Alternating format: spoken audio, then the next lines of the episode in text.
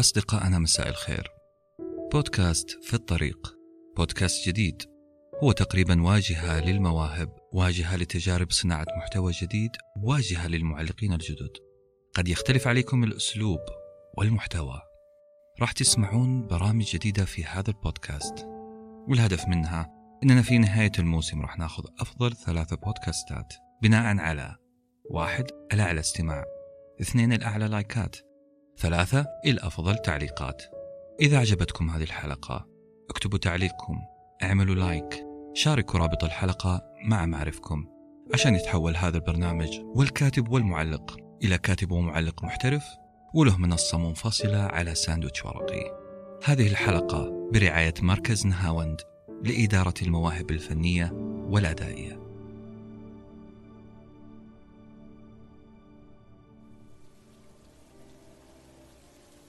ليلة عابقة.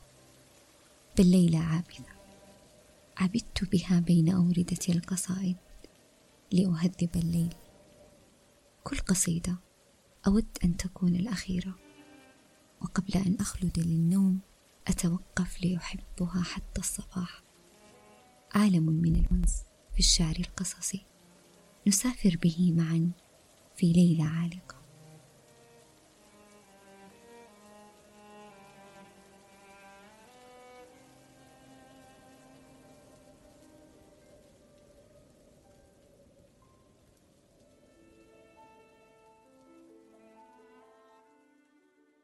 ليلة عالقة.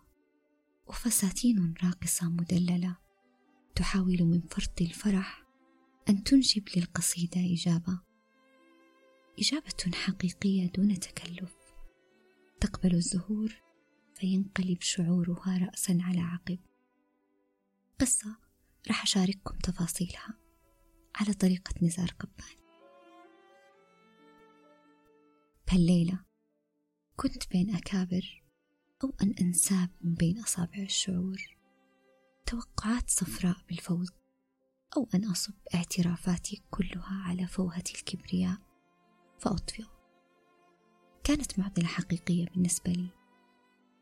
يوم ما لسبب ما غرقت تماما في وحل الاختيار. فرح عارم. شعور يعنيني وشعور أخشاه في هذا الوقت تحديدا وقبل أن أضع كوب قهوتي على الطاولة بدأ الضوء يعود للوراء في رأسي. يتراجع. يخفت شيئا فشيء. لدرجة بدأت أشك. أنا ما زلت أرى. أم أن ما حولي هو سواد في الأساس. ما الذي يحدث؟ صوت من داخلي أسمعه. كلمات أعرفها. وتارة يغيب عن عقلي المعنى. أحاول أحاول اصطيادها والإمساك بحبالها. أقبض على ما أفهمه منها. فيحرق جوفي وأتذكر. نزار إلا نزار. بس إيش قاعد يقول؟ في سطري ماذا؟ لا. كان شيئا يشبهني أكثر. كان تساؤل. أيظن نعم أيظن قصيدة تراقصت بها حتى الفساتين. ربما لهذا السبب ما قدرت أعرفها بسرعة. قصيدة تقولني لا أقولها. تجلى بها وهم المكابرة الذي لطالما كذبت محاولاته في التحكم بأفعالي. نزار قباني الشاعر الكبير على لسان امرأة القصيدة نجاة الصغيرة اللي اختارها عشان تتغنم أبياته وتقول أيظن أني لعبة بيدي.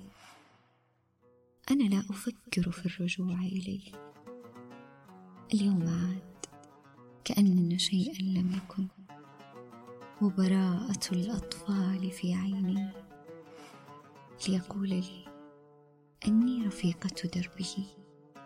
وبأنني الحب الوحيد لدي. حمل الزهور إلي. كيف أرده؟ وصباي مرسوم على شفتي. ما عدت أذكر. والحرائق في دمي. كيف التجأت أنا إلى زنديه خبأت رأسي عنده. وكأنني طفل أعادوه إلى أبويه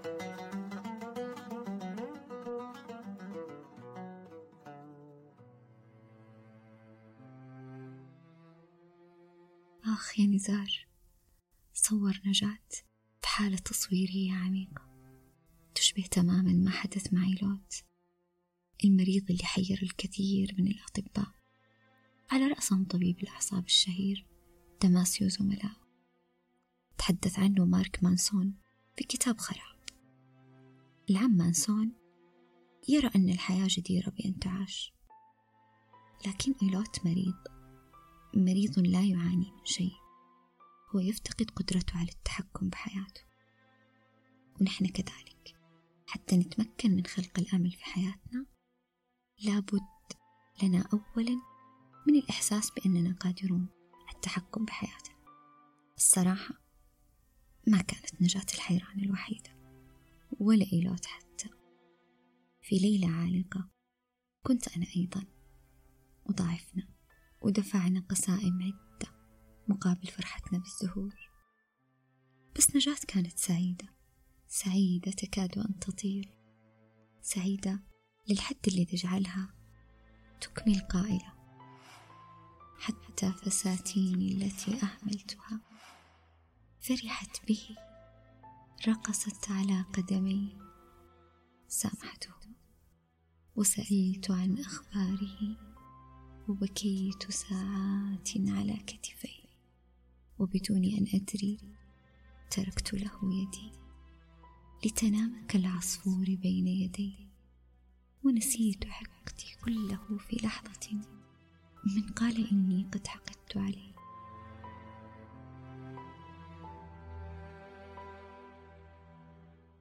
حالة تناسي مفتعلة يا جماعة. من بين السطور أكاد أن ألتقط بيدي فلتات الوعي. واللاوعي أيضا. وصوت احتجاجها المسموع. بوجه الشعور بالرفض. بعد أن كانت تعيش صمت وإنكار شديد لمشاعرها. الليلة تعترف. وبالصوت العالي. وبكل حب.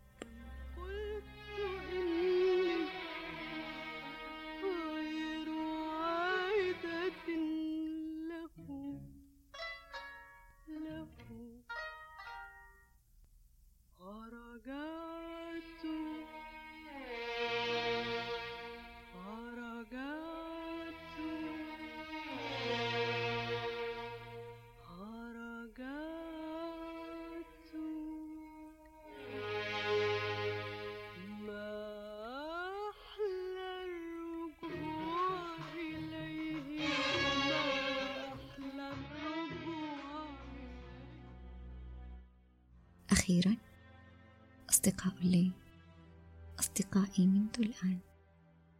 لا تنسوا الحياة جديرة دائما بأن تعاش. والحب شعور حلو نعيشه كلنا. بس الأهم أنت وأنتي وأنا أيضا. إيش نبغى بالضبط؟ كنت معكم أنا إلهام وإلى ليلة عالقة. دمتم في رعاية الله.